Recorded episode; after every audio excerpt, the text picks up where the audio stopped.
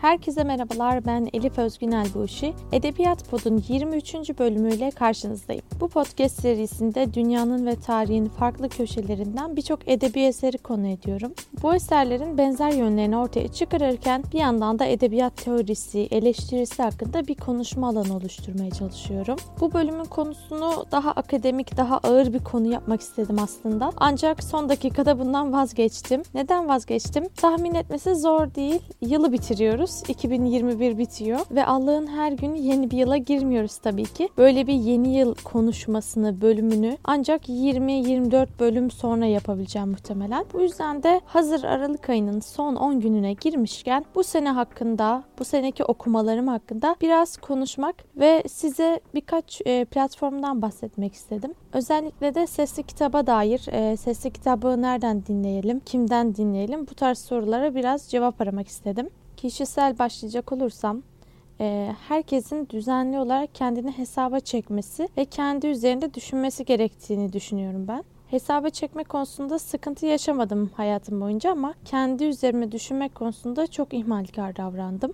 2021 bu açıdan benim için bir dönüm noktası oldu. Bu sene kendim üzerine, hislerim üzerine, isteklerim üzerine bol bol düşünme alışkanlığı edindim. Bunun yanında bu sene çok büyüdüğümü hissettim. Çünkü sonu güzel olan bazı zor süreçlerden geçtim. Her zaman bir şeyler kazandığım, ya da başladığım bir sene değildi. Bir sürü pes etme, bırakma anı yaşadım yıl boyunca. Haksızlığa uğradığım ve bana iyi hissettirmeyen iki yeri, iki meşgaleyi bıraktım. Benim için ikisi de çok büyüktü aslında. Yani bu sene benim için büyük başlangıçların olduğu kadar büyük bitişlerin de senesiydi. Her şeyle iyi ki yaşadım dediğim bir sene oldu yine de. İyi ki yaşadım, iyi ki yeni tecrübeler edindim ve iyi ki korkularımın üstüne gittim. Bu kendi üstüne düşünme eğilimi hakkında daha çok konuşabilirim ama tahmin ediyorum ki bu podcast'in dinleyicileri bu hesaplaşmanın kitaplarla ilgili olan kısmına daha fazla ilgi duyuyorlar. Ben yaptığım şeylerin kaydını tutmayı çok seviyorum. Hele bu kayıtları böyle sayılara dökmeye bayılıyorum. Her senenin sonunda muhakkak kaç kitap okudum, kaç sayfa etti bunlar toplam. İşte böldüğüm zaman günde kaç sayfa okumuşum. Ee, onun haricinde hatta okuduğum yazarlar hangi ülkelerden, işte okuduğum türler nedir hepsini yazıyorum tek tek. Ve yine bu kayıt tutma sevdası sevdasından dolayı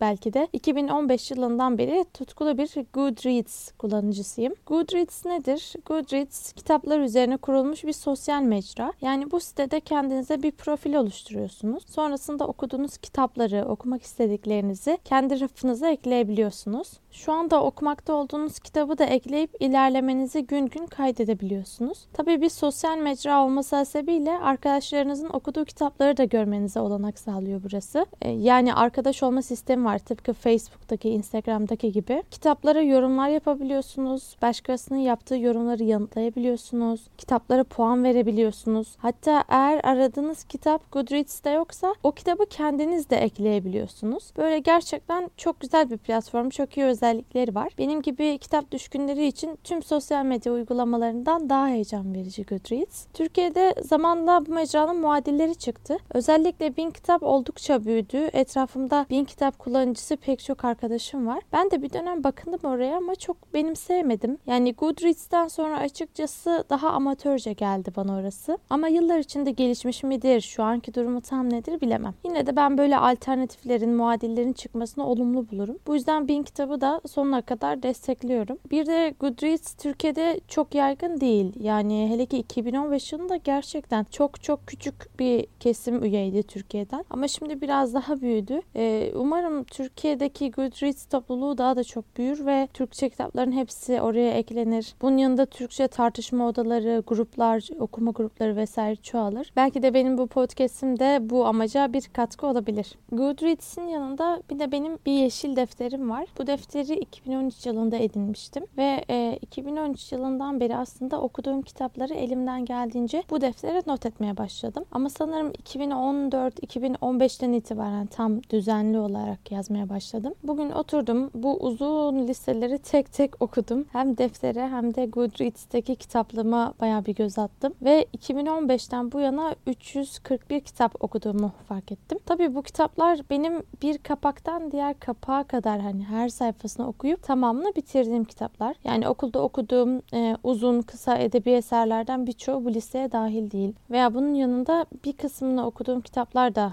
buraya dahil değil. Malumunuz bazen kurgu dışı kitapların tamamını okumazsınız. Yani okumaya gerek de duymazsınız. Sadece ihtiyacınız olan bölümü okursunuz. O bölüm uzunca bile olsa ben bu tarz kitapları genelde listeme eklemiyorum. Bu 341 kitabı aradan geçen senelere bölersek karşımıza 50 gibi bir sayı çıkıyor kabataslak. Yani ben her sene yaklaşık 50 kitap okumuşum. Buradan da anlaşılacağı üzere ortalama bir okurum açıkçası. O hani bir yılda 100 kitap okuyan süper kahramanların seviyesinde değilim. Ama o seviyeye erişmek için çaba harcayacağım kesinlikle. Benim 2022 hedeflerimden biri de bu. Bir de diğer bir hedefim var. O da sesli kitaplarla ilgili. Beni bu senenin son aylarında bir sesli kitap sevdası sardı. Bundan da yine bahsetmek istiyorum. Çünkü maalesef ülkemizde hala popüler olmamış bir alan. Yurt dışından bloggerları takip ediyorsanız zaten sık sık audiobook dedikleri sesli kitaplar hakkında paylaşımlarını görüyorsunuzdur. Türkiye'de böyle toplu halde ve kaliteli sesli kitapları bulabileceğimiz bir platform ancak birkaç yıl önce açıldı. Storytel'den bahsediyorum burada tabii ki. Bu arada önce Goodreads sonra Storytel hep böyle marka verdim. Tabii ki hiçbirisi benim bu mini'in de mini'yi podcastime sponsor olmuyor. Keşke olsalar ama ben gönülden destekleyici olarak her yerde kendilerinden bahsediyorum. Storytel'de aylık belli bir ücret karşılığında yüzlerce sesli kitaba erişim sağlayabiliyorsunuz. Eğer ilginizi çekiyorsa İngilizce kitaplar da mevcut. Ben 2019 yılında bu sesli kitap olayı yavaş yavaş yaygınlaşır çalışırken Storytel'e üye oldum ve birkaç ay denedim. Aslında dinlediğim kitaplardan oldukça memnun kaldım. Ama ne yazık ki o dönemde oradaki kitap sayısı oldukça azdı ve benim istediğim birçok kitap bulunmuyordu. Ayrıca 2019'da benim ne podcast dinleme ne de sesli kitap dinleme konusunda çok tecrübem yoktu ve uzun süre anlamlı bir şey dinleme olayına daha alışamamıştım. Biliyorsunuz 2019'da online dersler de yoktu. Artık 2020 itibariyle biz e, uzun uzun kulaklıkla bir şey dinlemeye çok alıştık dersleri dersleri izleye izleye. Bunun da etkisi vardır bence. Hani şu an daha çok e, sevmemin belki sesli kitabı da podcast'ı da. Ama aradan geçen bu iki yıldan sonra ben tekrar üye oldum. Ve bu sefer çok daha iyi bir deneyim yaşadım Storytel'le. Tabii ki benim iki yıldaki büyümem, gelişmem, ilgi alanlarımın değişmesi de buna katkı sağladı ama Storytel'in de burada çok büyük bir payı var. Çünkü artık Storytel'de birçok kitabı bulabiliyorsunuz. Hem kurgu hem kurgu dışı kaliteli eserler mevcut. Ve neredeyse her damak tadına, e, her okura hitap hitap eden kitapları seslendirmişler. Bu da benim çok hoşuma gitti. Türk klasiklerinden tutun da dünya klasiklerine, kurgu dışı kitaplara, işte self-help denilen bu kişisel gelişim tarzı kitaplara kadar her türlü kitap var şu an Storytel'de. Sesli kitap deyince tabii akla gelen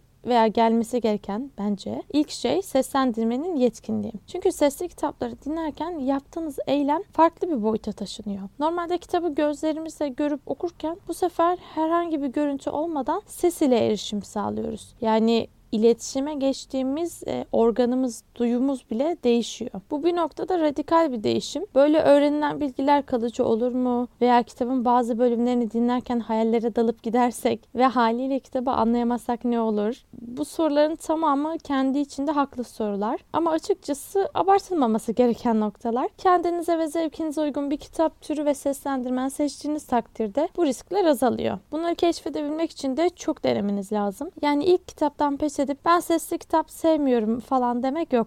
Bunu burada yasaklıyoruz. Benim bu konularda birkaç tavsiyem olacak size. Yani hem nasıl daha rahat bir e, sesli kitap deneyimi elde edebilirsiniz hem de hangi seslendirmenleri tercih edebilirsiniz. İlk olarak elinizden geldiğince kulaklıkla dinlemeye çalışın. Böylelikle çevre seslerini izole etmiş olursunuz ve odaklanmanız çok çok daha kolaylaşır. Sesli kitap dinlerken farklı aktiviteler yapıp hangisinde daha rahat olduğunuzu da keşfedebilirsiniz yapabilirsiniz. Ev işi yaparken, yürüyüş sırasında, el becerisi gerektiren nakış, etamin, resim gibi bir işte meşgulken veya sadece otururken sesli kitap dinleyebilirsiniz. Ben her durumda rahat konsantre oluyorum ama özellikle yürürken dinlemeyi seviyorum. Seslendirmen önerisi olarak şimdi 4 kişiyi söyleyebileceğim. Dördü de Türkçe kitap seslendirmeni. İlki İbrahim Selim. İbrahim Selim çok kitap seslendirdi Storytel için. Hepsi de çok güzel kitaplar. Ben ondan Yürümenin Felsefesi, Ustalık Gerektiren Kafaya Takmama Sanatı Hayatı ve Ağaçların Özel Hayatı kitaplarını dinlemiştim. İbrahim Selim, Şilili yazar Alejandro Zambra'nın birçok kitabını seslendirmiş. Dünya klasiklerinden seslendirdikleri var. Kurgu dışı olarak seslendirdiği birkaç kitap var. Said Faik'in bir öykü kitabını seslendirmiş. Yani muhakkak kendinize uygun bir kitap bulabilirsiniz. Arama butonuna direkt İbrahim Selim yazınca zaten onun sayfasında tüm bu kitaplar liste çıkıyor. İkinci önerim Tilbe Saran olacak. Tilbe Saran en son Harry Potter serisini seslendirdi.